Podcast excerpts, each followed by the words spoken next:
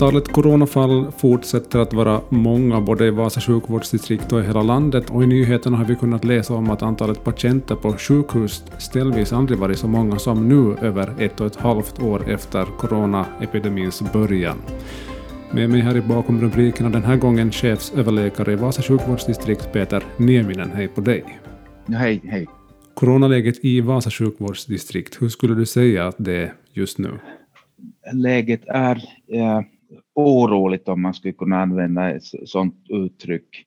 Vi har ju kommit lite ner i incidenstalet, att det var ju närmare 200 här en, en längre tid, att nu har det ju som sjunkit, att vi är på väg nu neråt mot 100 här nu så småningom, hoppas jag. Men det svänger snabbt och kan, behövs bara ett par dåliga dagar så far det, far det upp igen. Här i, i Österbotten så har man ju nog fortsatt med att testa med låg tröskel. Vi har kanske bättre bild av, av helheten än på många andra ställen var testmängderna har minskat radikalt så man vet ju inte helt hundraprocentigt liksom vad är liksom hur mörkertal det då eventuellt finns där. Mm. Att, eh, jag tror att vi, vi har relativt bra bild om läget här i Österbotten. Och sen är det ju det som är kanske varit alarmerande att eh, vi har haft, haft eh, mera patienter på sjukhuset nu här på de här senaste veckorna än på länge och, och intensivvården är, är, är belastad. Kanske till och med lite lugnare nu just den här början av veckan, men att förra veckan hade, hade vi ju nog nära liksom den där gränsen att vad vi klarar av. Du sa förra veckan då ni hade, jag tror det var fyra patienter på intensivvårdsavdelningen, att det är nära smärtgränsen. Att hur kan du lite öppna upp, hur påverkar det konkret sjukhuset i övrigt att, att corona slukar så mycket resurser som det gör? No, det behövs personal, att en, en eh, intensivvårdspatient eh, kräver eh, en, minst en skötare kring sig dygnet runt, alltså tre skift.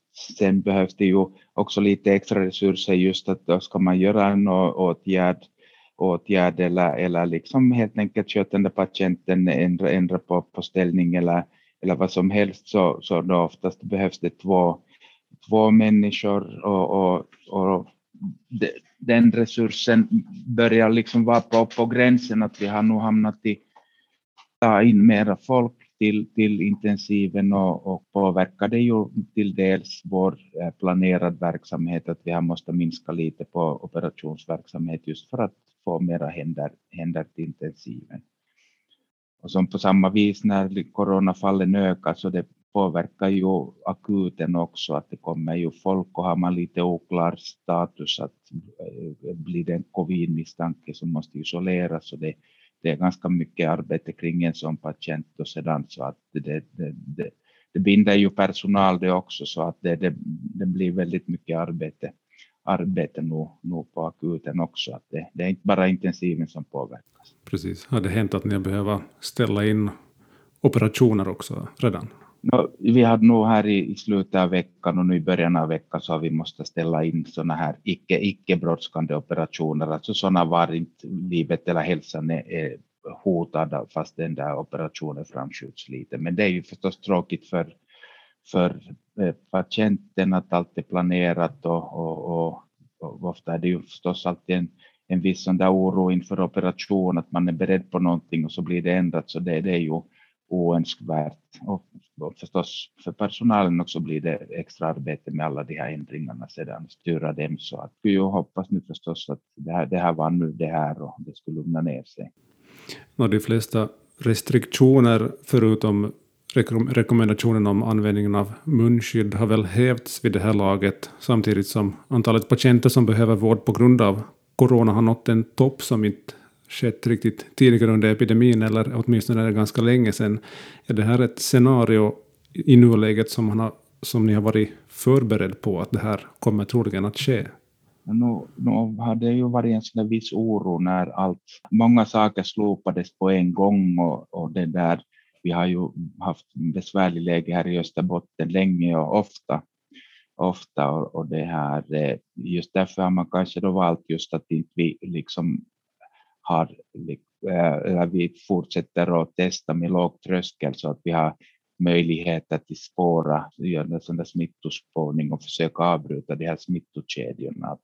Det, det, det har vi liksom hållit aktivt på med. Så, så, så det, där, det är nog oroande, oroande nu, för det här sprider ju sig bland unga barn och unga vuxna. Det, det är de, och det, de också hamnar mera och mera unga, unga vuxna på, på sjukhuset också. Att det, det, det, det är liksom oroväckande. Fördelning av de som får sjukhusvård för tillfället då, finns det sådana som har en, två doser och ovaccinerade? Hur ser det ut? Nu har det ju för det mesta varit helt ovaccinerade eller sådana som har då äh, fått bara en spruta. Men nu har det ju också varit de här som har fått två sprutor, men de har då grundsjukdomar som säkert påverkar att de, de har som likadan motståndskraft. Att, att fast man har fått två sprutor så finns det möjligheten att bli smittad, men att om man då är grundfrisk så blir man då bara lindrigt sjuk, förbigående sjuk och, och liksom är skyddad för den allvarliga sjukdomsformen så, så risken att hamna på sjukhus är ju betydligt, betydligt mindre. Om jag kommer ihåg är det 14, 14-faldigt mindre, mindre risk att hamna, hamna på sjukhus om man har två sprutor än att inga sprutor alls. Ni har den här coronasamordningsgruppen som möts varje vecka för att få en överblick av coronaläget i, i sjukvårdsdistriktet just nu och ni hade möte bland annat idag. Um, funderar ni någonting på mot bakgrund av liksom läget just nu? Att funderar ni på åtgärder eller finns det något kvar i, i verktygsbacken? No, det kan ju sen om situationen riktigt krisar sig så finns det ju att man kan ju göra lokala beslut och det är ju säkert också regionförvaltningsverket inblandat. Men nu för tillfället så, så har vi den här rekommendationen om, om användning av ansiktsmask och, och, och liksom försöka försöka liksom komma ut med det budskapet att de här försiktighetsrekommendationerna eh, är fortfarande sådana som man borde, borde ta i beaktande att, att, att försöka, försöka nu hålla, hålla lite avstånd och, och bra hand, handhygien och, och lite, lite fundera hur man, i hur stora grupper och flockar man, man rör sig. Men att som sådär annars så för tillfället så är det inga, inga stora restriktioner. Coronan har vi haft med oss nu då i över ett och ett halvt år och um, åtminstone vädermässigt idag så har åtminstone vintern gett sig till känna och vintern den för med sig den vanliga influensasäsongen och nu cirkulerar också en svårare form av RS-virus som åtminstone i Sverige har belastat barnavdelningar och så corona på det då. Vilka tankar väcker det här för, för tiden framöver? Det är ju oroväckande förstås det också att, att, att sen har vi, har vi både corona och influensa, för influensa för ju också folk till sjukhuset och till, till intensiven i värsta fall, så att har vi, har vi både och så är det ju, är det ju, är det ju väldigt, blir ju en jobbig situation, men att men där, då hoppas jag förstås, som det blev i fjol också, att folk tar influensavaccinen, att man inte liksom, att man blir skyddad, skyddad den vägen. Och, och, eh, och sen ska jag kanske vilja påpeka att sån här bra hygien och användning av, av eh, ansiktsmask minskar ju risken för de här sjukdomarna också. Mm. Vi såg ju väldigt lite av sådana vanliga flunsor och, och sådana här, vi hade inga, inga sådana här magsjukaepidemier eller sådana stor, större RS, RS-epidemier förra året på grund av förstås till dels också att folk isolerar sig mera men att också användning av, av det här skydd och, och de här hygienrekommendationerna. Hur ser vaccinationstakten ut just nu i, i Vasa sjukvårdsdistrikt? Tror du att vi kommer att uppnå det här målet som har varit utsagt att man ska ha 80 procent av alla över 12 år ska ha fått två doser vid den här månadens slut? Äh, jag skulle nog nästan våga påstå det, jag kan kolla här nu hastigt det där.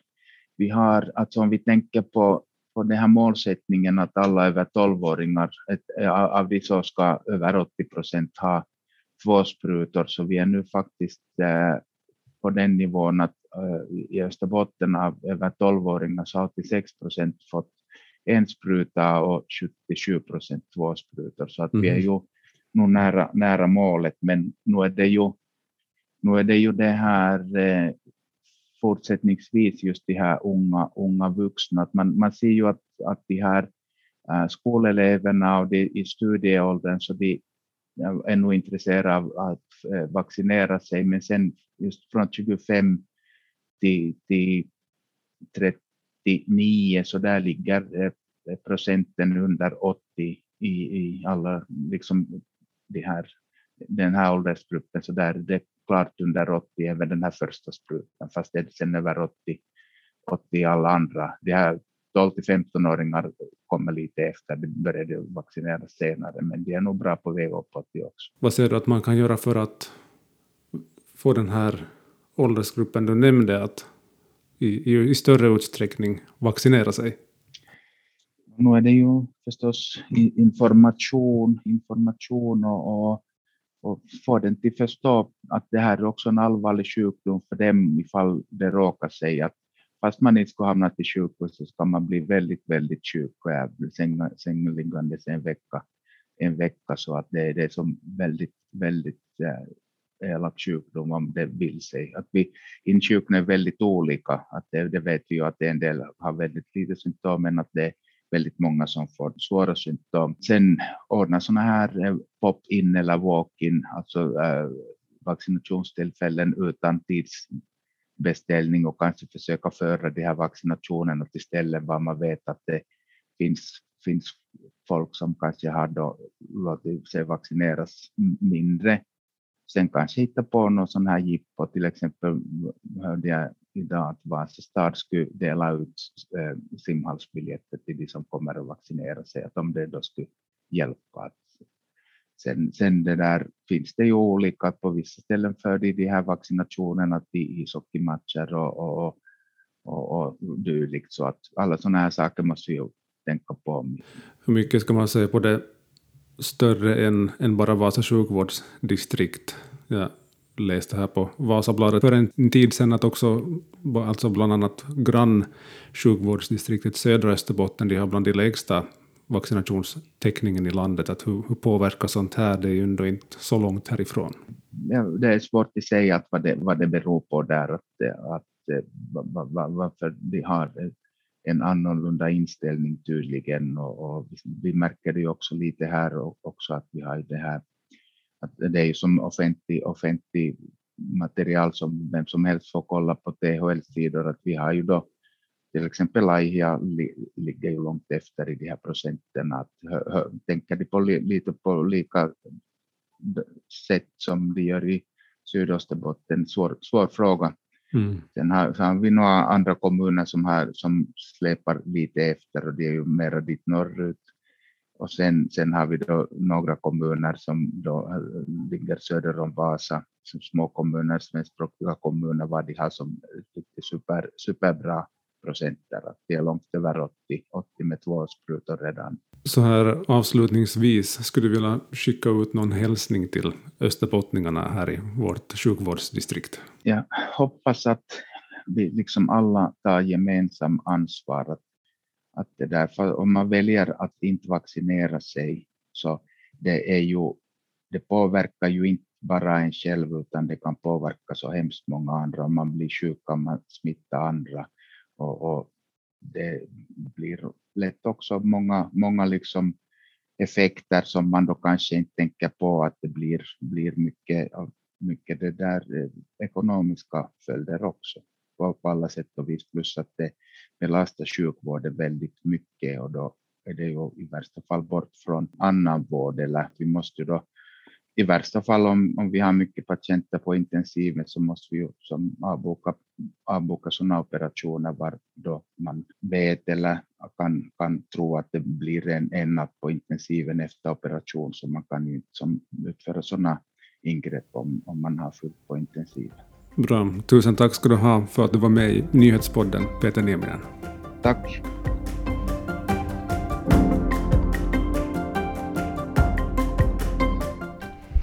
Där hörde vi chefsöverläkare Peter Nieminen. Alla tidigare avsnitt av nyhetspodden bakom rubrikerna det hittar du på vasabladet.fi och där poddar finns, till exempel Spotify, Apple Podcast. Följ podden där så missar du inte när ett nytt avsnitt kommer ut heller. Mitt namn är Patrik Sjöholm. Vi hörs igen på torsdag. Ha det gott.